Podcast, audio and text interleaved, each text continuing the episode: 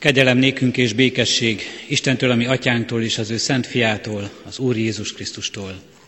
Amen. Gyülekezet foglaljon helyet. Nagy szeretettel köszöntöm a testvéreket. Evangelizációs hetünk, Isten tiszteleti sorozatunk első alkalmán. Szeretettel köszöntöm az ige hirdetőt, Szabó Mihály, Magyar Bikali lelkipásztort Erdélyből, Kalotaszegről, testvérgyülekezetünk lelkipásztora, ismerjük őt, hiszen nem először van itt közöttünk. Őt kértük föl és vállalta el, hogy ma este az Isten igéjét, evangéliumát szólja közöttünk.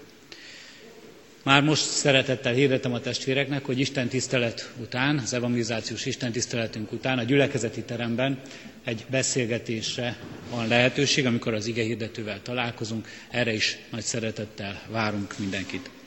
Kezdjük Isten tiszteletünket a 308. dicséretünk éneklésével. A 308. dicséretünknek első három versét énekeljük. Az első vers így kezdődik, igaz Isten ígéretedben változhatatlan valóság. thank you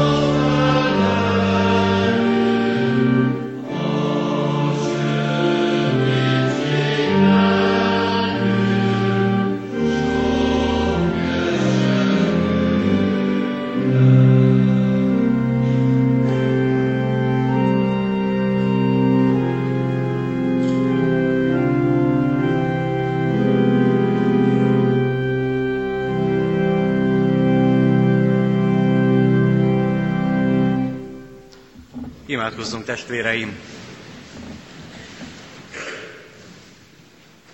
A mi segítségünk legyen Istentől, aki Atya, Fiú, Szentlélek, teljes szent háromság, egy örökkévaló, igaz Isten.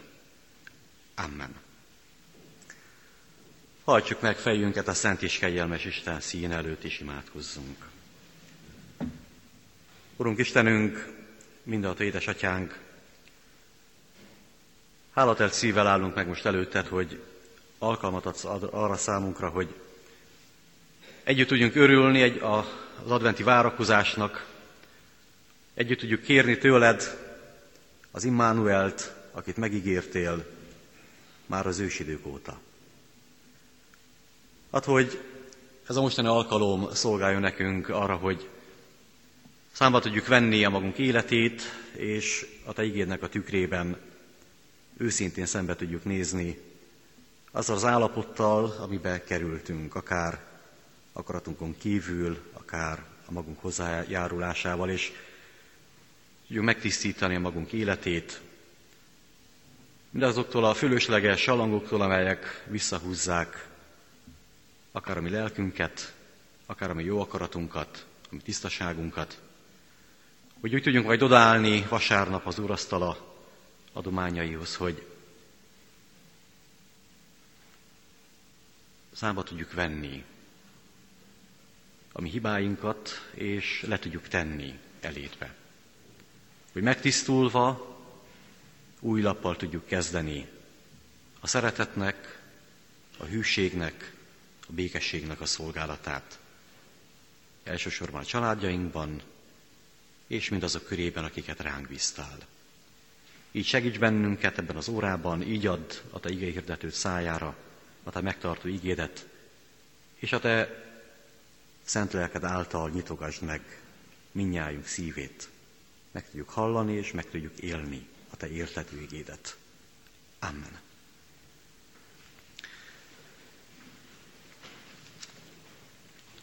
Isten igéjét olvasom a Mózes első könyve harmadik részének a 14. és 15. verséből.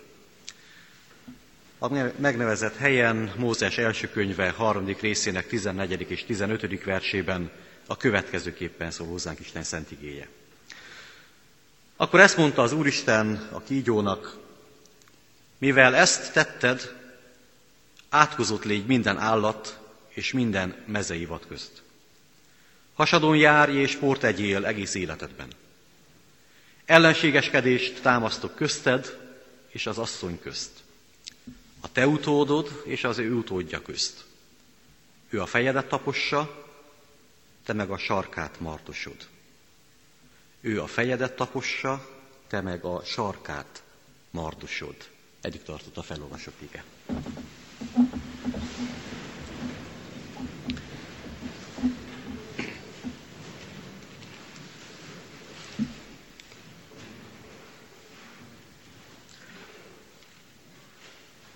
Békesség Istentől szeretettel köszöntöm a Kecskeméti testvérgyülekezetünket. Az igazság az, hogy nagy dilemában voltam, mert eredetileg az első verstől a 20. versig fel akartam olvasni a bűnbeesés és a büntetésnek a történetét, viszont túl hosszúra nyúlt volna. Viszont az ige hirdetés, az ige magyarázás során uh, utalni fogok az előző, meg az, az ezt követő versekre is. Advent a Krisztus várás ideje. A megváltó utáni sóvárgás időszaka és a szabadító eljövetelét kérő, sürgető várakozásnak az állapota. A legrövidebb és talán a legtömörebb imádság, adventi imádság így hang, hangozhatna, hogy jövel, Uram. Ahhoz azonban, hogy Jézust igazán várjuk, hogy szívből kérjük, hogy igen, jöjjön el hozzám is, a én életembe is, az előbb nagyon világosan kell látnunk a megváltóra szorult állapotunkat. Hogy igazán tudjunk örülni a karácsonynak, annak, hogy Krisztus eljött ebbe a világba, előbb át kell élnünk az embernek az örök tragédiáját. Hiszen azért olyan végtelen nagy jótétemény Krisztusnak-e világra jövetele, mert az emberrel az történt, amiről az ősi paradicsombeli történet tudósít bennünket. És ha most meglátnánk, hogy az a régi történet, amelyik Ádámról és Éváról szól, ha meglátnánk, hogy az nem is olyan régi történet, hanem igazából minnyájunk életének a története. Ha ezt világosan látnánk, akkor élőbbé és világosabbá válnak számunkra a mostani advent is. Tudatosulna bennünk, hogy mennyire szükségünk van a megváltóra, és ebben ezért nézzük meg, hogy az a régi és mégis mindig megújuló történet mennyire aktuális számunkra, mennyire aktuális a mi életünkben. Az első versről olvastam volna a harmadik fejezetet, akkor az így kezdődött volna, hogy a kígyó pedig ravasza volt minden mezei állatnál, amelyet az Úristen alkotott. Ez azért is meglepő, ez az első vers, mert előzőleg szó sem volt kígyóról, szó sem volt ravasságról, gonosz hatalomról, szó sem volt mindarról a teremtés történetében, amit a kígyó megszemélyesít itt a harmadik fejezetnek az elején. Most pedig ki tudja honnan, miért és miként megjelenik, mint az ellenség, amely váratlanul betör az ember életébe, váratlanul betör a békés és boldog létbe, állapotba. Nekem nagyon tetszik a Szentírásnak ez a nagyon tárgyilagos egyszerűsége. Nem magyaráz fölöslegesen, hanem egyszerűen számol a kígyóval, egy ravasz és gonosz hatalommal, amely működik a világban, és amely ott volt már a teremtés elején. Nem ad feleletet az ilyen kíváncsiskodó kérdésekre, hogy vajon honnan jött a világba, mi a lényege, kicsoda az ördög, vagy miféle szerzet, hanem egyszerűen csak megfújja a riadót az ember számára, hogy emberek vigyázzatok, itt van a kígyó, itt van az ősi kísértő, az örök ellenség. Nevezzük sátánnak, mert a Szentírás úgy nevezi. És ezzel a nével kapcsolatosan egy csomó képzet ott van a mi fejünkben. Az emberek sokféleképpen elképzelték a sátánt, az ördög alakját, pedig ha valamit bizonyosan tudunk, vagy tudhatunk róla, az pedig az, hogy nem olyan, amilyennek mi elképzeljük. Nem is olyan, amilyennek Dante elképzelte a pokolba, vagy amilyennek Goethe leírja Faustba, vagy akár a mi Madács Imrénk, ahogy elképzelt az ember tragédiájában.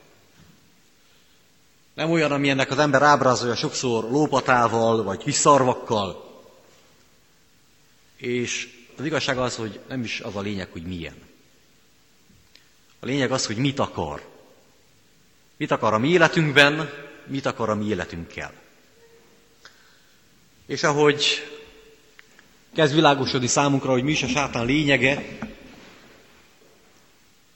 kezd értelmezhetőbbé válni ez a mai történetünk is. Mit is akar a sátán? Mit is akar az ősi gonosz a mi életünkben? Nyilvánvaló abból, amit Ádámnak és Évának mond, hogy olyanok lesztek, mint az Isten. A jónak és a gonosznak a tudói lesztek.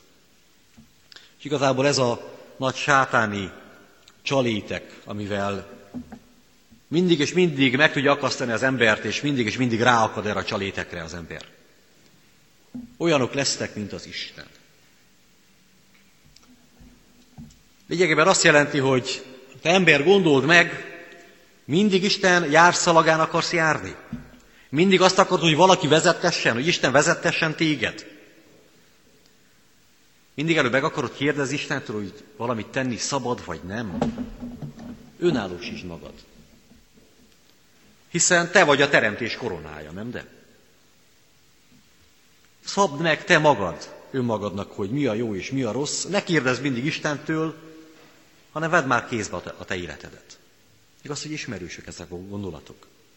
Ismerős, hiszen a mai világ igazából ezek a, ezeknek a gondolatoknak a mentén ír.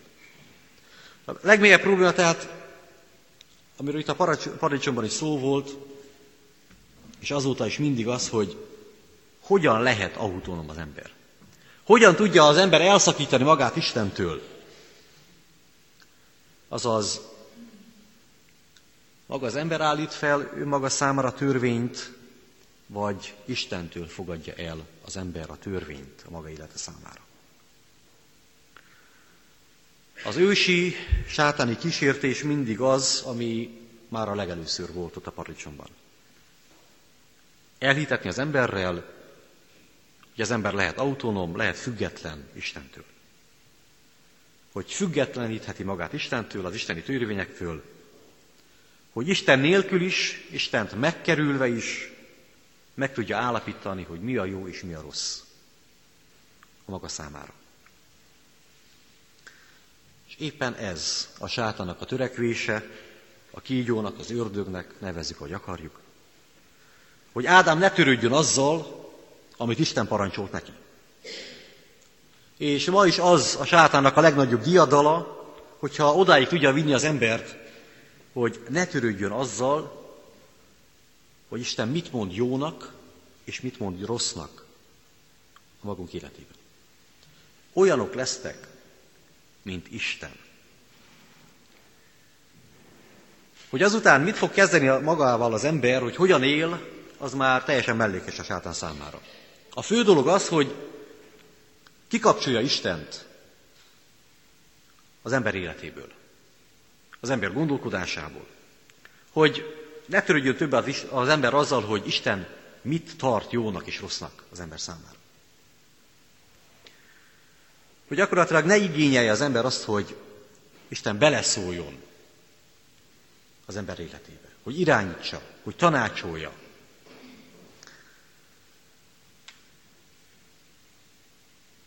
És nézzük meg, hogy akár a mi környezetünkben is hány olyan derék embert ismerünk, vagy olyan derék emberre találkozunk, akire szinte nem lehet semmi rosszat mondani. Akik nem esnek nyilvánvaló bűnökbe, olyan bűnökbe, ami által megbélyegzünk valakit, akik mindig korrekt és helyes viselkedésük van,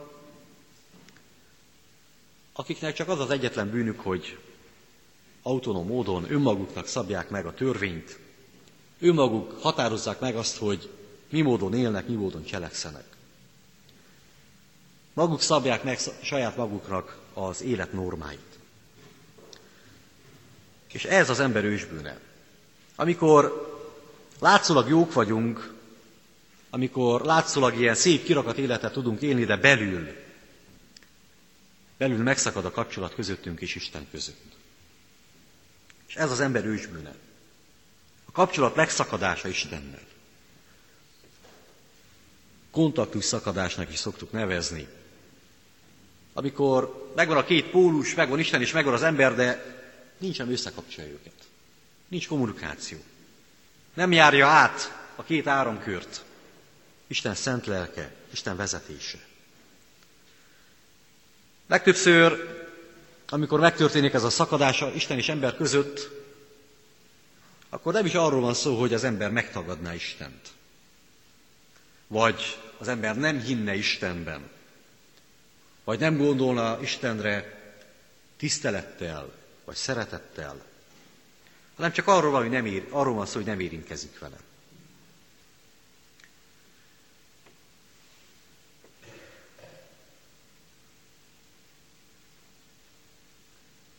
A tegnap előtt egy kellemetlen tapasztalatban volt részünk, egyet gondolt az autónk, és nem indult újra. A, molnak, a malomnak a parkolójában, föld alatt. És találtam egy segítőkész fiatal embert, aki rögtön jött segíteni, ott dolgozott egy szervizben. Beszélgettünk, volt időnk, mert elég sokat kerültük az autót, kiderült, hogy lelkész vagyok, erdélyi, ő is Erdélyből származik.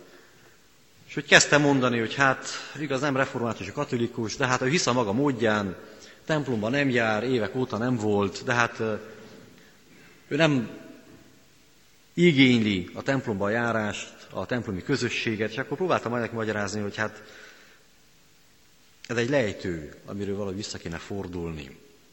És ugyanaz az életmód, amit ez a mai világ hirdet mindenki számára. hogy meg lehet lenni, lehet élni Isten nélkül, lehet élni igehirdetések hallgatása nélkül.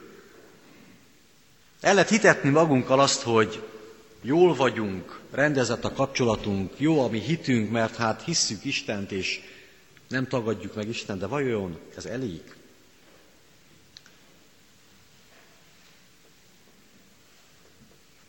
Persze nem mindig sikerül kígyónak odáig vinni az embert, hogy teljességgel kikapcsolja Istent az életünkből. Vannak ilyen nagyon ártalmatlannak látszó taktikái az ősi kísértőnek. Nem egészen kapcsolja ki Istent, vagy az Istennek való engedelmességet belőlünk, hanem ártatlan módon áthidalja az engedelmesség szükségletét. Nem azt mondja Ádáméknak se az, a kígyó, hogy ne hallgassanak Istenre, hogy ne higgyék, hogy van Isten, hogy van örök örvényi törvény, hanem azt mondja, vannak szituációk, amiben meg kell fontolni, hogy vajon hogyan értendő Isten parancsa. Vannak körülmények és vannak szituációk, amiket úgy értelmezünk, hogy azok által felül lehet írni Isten örök törvényét. Valójában azt mondta Isten, hogy a kertek egyetlen fájáról sem mehettek? Nem. Csak egyről. De hogyha arról leszek, akkor a jó és a rossznak tudásának a birtokában lesztek. Hány ilyen példát lehetne sorolni? Akár magunk életéből, akár a körülöttünk levő emberek életéből. Például, hogyha valaki illegális kapcsolatot tart fent egy idő után minden, mindenképpen be akarja bizonyítani azt, hogy igaz, hogy Jézus ezt mondta, ne légy házasságtörő, de amit ő csinál, az tulajdonképpen nem is házasságtörés, hiszen meg kell érteni az ő helyzetét, amiben van, és nem lehet ezért, elítélni őt, sőt, még önmagát sem ítéli el. Sőt, egyébként is meg, hol van megírva a Bibliában az, hogy valaki nem lehet boldog, Vagy egy másik példa, amikor valaki igazából követni akarja Istent, követni akarja Jézus tanítását, és szembesül azzal a tényel, hogy vannak olykor olyan gonosz emberek, akikkel szembe kerül, hogy velük szemben igazán nem tudná gyakorolni, nem tudja gyakorolni a szeretet törvényét. És akkor elmondja, hogy nagyon szépen hangzik a szeretet parancsolata a templomban, de hát az élet az más. A életben nem lehet minden egyes körülmények között használni. Vajon? Nem ugyanaz a bűnbe esünk ezeknek a gondolatok kapcsának a kapcsán, mint amiről hallottunk a paradicsombeli esetben? Mi, mi magunk akarjuk megszabni, hogy milyen körülmények között engedelmeskedjünk Isten törvényének, és milyen körülmények között nem.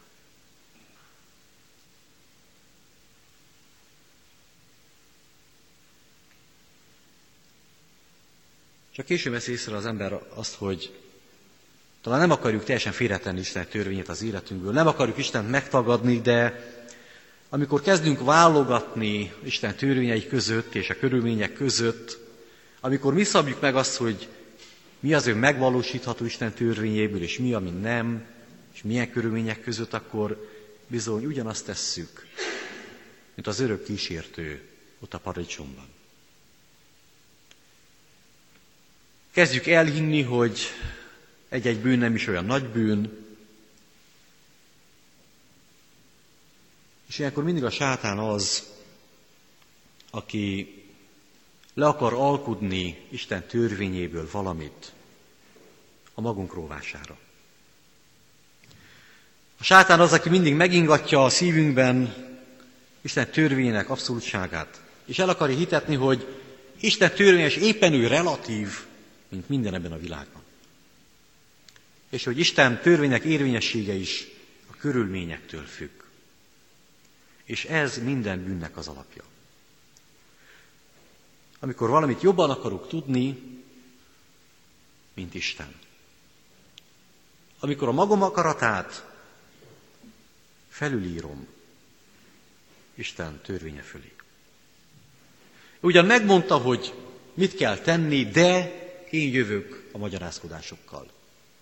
Jövök a kibulókkal. És lassan az önmagát is képes meggyőzni az ember, hogy amit tesz, az igazából nincs ellentétben Isten törvényével, és lassan oda tudunk jutni, hogy meggyőződéssel, jó meggyőződéssel tesszük a bűnt, mert annak tartjuk. Mint az az eses katona, aki amikor felelősségre vonták a kezéhez tapadt rengeteg vér miatt, nyugodt lelkismerettel csak annyit mondott, hogy csak a kötelességemet tettem. Mint hogyha az nem lett volna bűn. És nehogy azt higgyük, hogy nagyon messze van tőlünk, vagy nagyon messze van az az út, ami ehhez az állapothoz el tud vinni bennünket. A sátán az nap mint nap elénk tudja tárni azt a tükröt, amelyben úgy tűnnek fel a mi cselekedeteink, a mi gondolataink, a torzult cselekedeteink, a torzult gondolataink, mint hogyha helyesek lennének Isten törvénye szerint. Mint amelyek nem is bűnök lennének. Mint amiket mi meg tudunk tenni nap mint nap, és úgysem lesznek következményei. Vagy akár magunkat meggyőzzük a felől, hogy mi elég erősek vagyunk hitben ahhoz, hogy megengedjük magunknak egy kis viccet, egy kis tisztátalanságot, egy kis flörtöt, egy kis dorbizolást, egy kis lustaságot, egy kis lazaságot, egy kis csalást vagy nyerészkedést, egy kis önzést, hiszen ezeket el tudjuk hordozni mi, ami erősítünk kell. Viszont tisztán kell látnunk azt magunk előtt, hogy Isten parancsának minden ilyen lazítása nem más, mint a sátán diadalmaskodása fölöttünk, gondolataink fölött és cselekedeteink fölött. Aztán oda a sátának még egy kísértése, amikor úgy tünteti fel a törvényt, mint valami súlyos terhet. Valami súlyos terhet, ami meggátolja az embert a szabad mozgásban. És valószínűleg sokan hallottuk már ezeket a gondolatokat másoktól, akár beszélgetések során, hogy az Isten törvény az teher. Az Isten törvény az bilincs, ami megkötöz bennünket, ami nem enged bennünket szabadon. És lám milyen jó azoknak, akik nem engedik korlátozni magukat azzal, amit mond nekik Isten, vagy tanít nekik Isten. És milyen gondtalanok azok, azok az emberek, akik ezt a terhet már lerázták magukról. És milyen jó azoknak, akiket már nem gyötör az ilyen gondolat, hogy vajon helyesen cselekszenek-e, vagy nem. Milyen jó azoknak, akik úgy élnek, ahogyan nekik tetszik.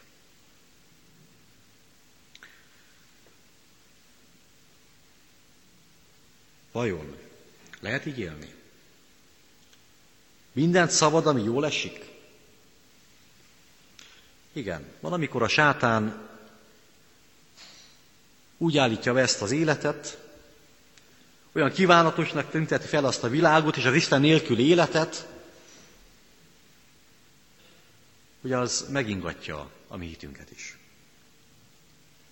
Amikor elhirdeti velünk, hogy lehet Isten nélkül élni, lehet törvények nélkül élni, lehet szabályok nélkül élni, amikor megfeledkezteti velünk, vagy elfeledkezteti velünk azt, hogy Istennek a törvényei tulajdonképpen határok a mi életünk körül, amelyek egy biztonságos zónába tartanak bennünket, amik megóvnak attól, hogy sérüljünk. Hogyan tekintünk Isten törvényére? Teherként? Vagy a biztonságos, boldog életnek a határaiként tekintünk Isten törvényére? Mert el lehet jutni a törvény tagadásában addig, hogy én magamat teszem Istenné a magam életem fölé. Amikor nem Istennek engedelmeskedek, hanem a saját akaratomat emelem Isten szintjére és Isten helyére. Így is lehet élni. De vajon érdemes-e így élni? Komolyan vesszük-e Isten szavát? Vajon a mi életünkben nem történt meg már lélekben a szakadás Istennel? Vajon nem csak valami külső szálak kötnek már bennünket össze Istennel? Olyan külső szálak, mint vasárnaponkéti templomba járás, vagy egy-egy ritkán elmondott imádság, vagy örökölt református hagyományok, legyházfenntartó elvég fizetése, vagy az, hogy szokás a gyermekeinket megkeresztelni, vagy szokás megáldani a házasságkötésünket, vagy szokás halottunkat pappal is eltemetni.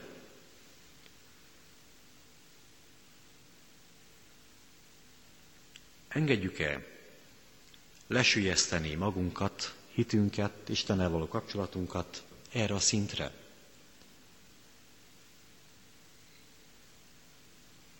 A világ nagy része gyakorlatilag Isten nélkül él. Isten nélkül gondolkodik és cselekszik. Lélekben már rég elszakadt Istentől, már rég függetlenítette magát Istentől.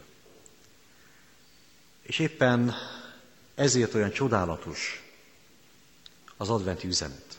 Ezért olyan drága számunkra az adventi üzenet, mert éppen azt hirdeti, hogy lehet, hogy a világ Isten nélkül akar élni, de Isten nem akar nélkülünk élni. Isten nem nyugszik vele abba, ami a paradicsomban történt, és ami azóta is velünk történik, hiszen már a paradicsomban a bűneset után rögtön azt mondja Isten, hogy ellenségeskedést támasztok közted, mármint a sátán között, és az asszony között. A te utódod és az ő utódja közt. Ő a fejedet tapossa, te meg a sarkát mardosod. Ahogy megszakad a kapcsolat Isten és ember között, az engedelmesség kapcsolata Isten és ember között, rögtön ott van már a megváltó evangéliuma, a megváltó ígérete. Isten nem akarja magára hagyni az embert, nem törődik bele. Isten utánunk jön, és az adventi időszak éppen ezt ábrázolja ki. Isten lehajol hozzánk az ő egyszülő fia által. Utánunk jön, megszólít, és azt mondja, te ember, aki nem akarsz talán velem lenni, vedd tudomásul, hogy én veled akarok lenni. Jézus titokzatos személyének lényegét fejezi ki ez az ősi ószövetségi profécia, amit Ézsaiás 7-ben is olvashatunk, hogy Immanuel, azaz velünk az Isten. Velünk az Isten, és velünk lesz Krisztus, aki a megszakadt kapcsolatba Isten és ember között újra állítja, újra összeköti a két pólust, és azt, amit az ember elrontott, vagy elront nap mint nap, azt ő visszaköti az eredeti helyére. Lehet, hogy nem foglalkozol ezzel a megszakadt kapcsolattal, de Isten foglalkozik ezzel a megszakadt kapcsolattal, vissza akarja állítani. Lehet, hogy elszakadtál Istentől, de Isten az ő szent fia által utánad megy. Lehet, hogy eltávolodtál, de Isten Krisztus által újra magához ölel. Nem lehet, hanem biztosan védkezünk nap mint nap de Isten nap mint nap megbocsát nekünk. elidegenedünk Istentől, de Isten szeret bennünket. És így bánni csak azzal lehet igazán, akit nagyon-nagyon szeretünk. Márpedig Isten így bánik velünk. És ha egyébből nem, akkor ebből biztosak lehetünk abból, afelől, hogy Isten ennyire szeret bennünket. És ezt hirdeti a boldog adventi evangélium, hogy velünk az Isten, azaz minden, mindnyájunkra legyen egyenként. velünk az ősi kísértő a sátán ellen, a kígyó ellen. És mi ennek a gyakorlati haszna? Engedjétek meg, hogy egy kis történettel feleljek erre a kérdésre. Egyszer egy mélyre csúszott embertől megkérdezte valaki, hogy olyan ön és olyan a maga élete, amilyennek lennie kellene? Az illető elcsodálkozott, zavarba jött, majd bosszusan azt mondta, hogy olyan vagyok, amilyen vagyok. Nos, kérdezte a másik, nincs bátorsága felelni erre a kérdésre? Ó, dehogy nem mondta. Akkor feleljen. Olyan ön, amilyennek lennie kellene? Még nagyobb zavarba jött, és pár pillanatnyi csend után végül kinyögte, hogy nem. És ezzel remélte, hogy ezzel lezárták a beszélgetést, de nem így történt. Egy második kérdést is tett fel nek a kérdező. Miért nem változtatsz akkor? Miért nem változol meg? Azért, mert erre sohasem gondoltam komolyan. Bár mindig tudtam, hogy kellene változás, de sosem gondoltam komolyan, hogy én meg tudom változtatni a magam helyzetét. Az igazság az, hogy mi sem tudjuk megváltoztatni magunk helyzetét, a magunk életét, mert nem vagyunk rá képesek, mert senki sem tud kibújni saját erejéből, a saját bőréből, de hadd mondjuk el rögtön azt, hogy valaki viszont meg tudja változtatni a, a mi életünket. Még akkor is, hogyha sokszor olyan az életünk, hogy nem szeretnénk tükörben nézni, nem szeretnénk ránézni a magunk életére, nem szeretnénk számolni magunk életének sok-sok visszásságával. Van valaki, aki meg tudja változtatni a mi életünket, és ez nem más, mint Jézus Krisztus. Ő maga ígérte, hogy ime mindent újjá teszek. És Jézus azért jött, és azért halt meg a kereszten, hogy mi mássá tudjunk lenni. Aki őt befogadja, magába fogadja, az életünk eljövendő Krisztust, az meg tudja tapasztalni azt az Isteni erőt, ami képes megváltoztatni bennünket. Amely képes olyaná tenni, mint amilyennek lennünk kell. És ez gyakorlatilag azt jelenti, hogy akinek fáj, hogy ő nem olyan, mint amilyennek lennie kellene, annak szól az adventi örömhír, hogy ne félj, veled van Isten, Immanuel. Krisztus által Isten a sátán fejére taposott, úgy, amint megígérte már a paradicsomban a bűnbe esett embereknek. És az életed is Krisztus, aki keresztre feszítetted, de feltámadott, a te életedet is újjá tudja formálni. Újjá tudja teremteni, vissza tudja állítani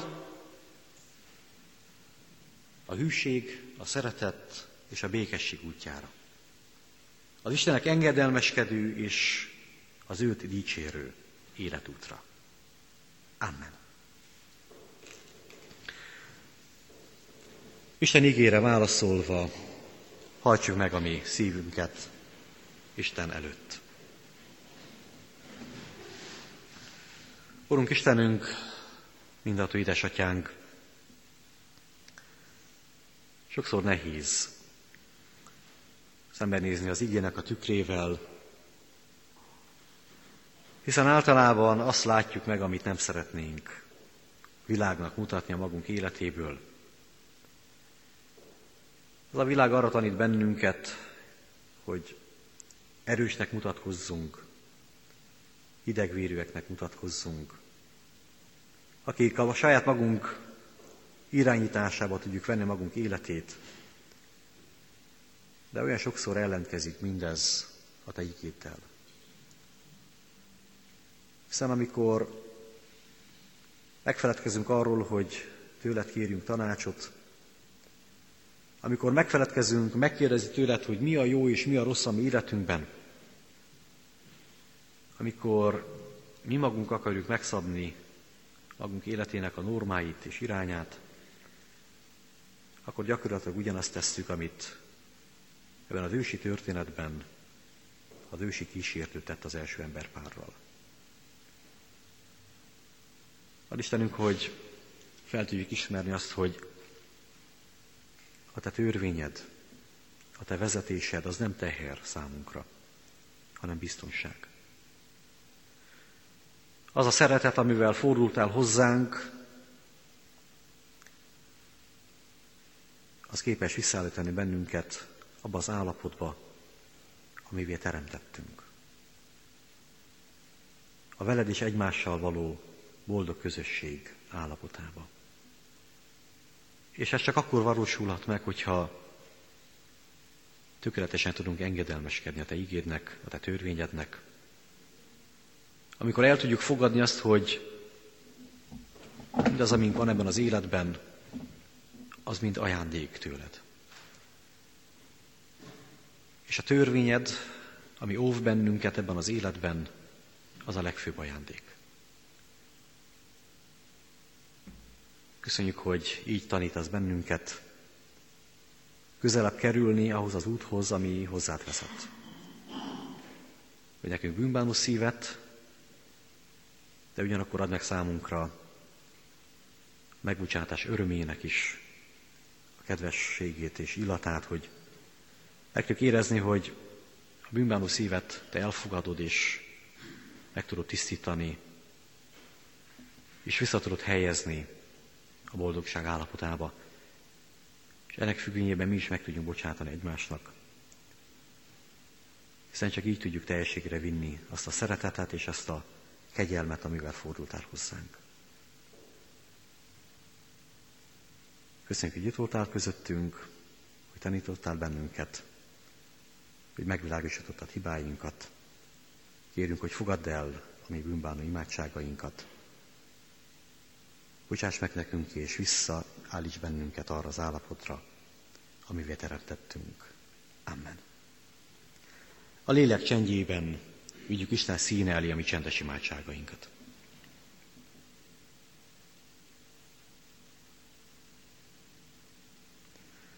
Áldott az Úr, aki meghallgat imádságainkat. Együtt hangosan mondjuk el a mi Urunk Jézus Krisztus imádságát. Mi atyánk, aki a mennyekben vagy, szenteltessék meg a te neved. Jöjjön a te országod, legyen meg a te akaratod, amint a mennyben, úgy a földön is. Mindennapi kenyerünket add meg nékünk ma, és bocsáss meg védkeinket, miképpen mi is megbocsátunk az ellenünk védkezőknek. És ne vigy minket kísértésbe, de szabadíts meg a gonosztól, mert Tiéd az ország, a hatalom és a dicsőség mind örökké. Amen. Ami Urunk Jézus Krisztusnak kegyelme, Istennek szeretete és a Szentlélek közössége legyen és maradjon mindannyiunkkal. Amen.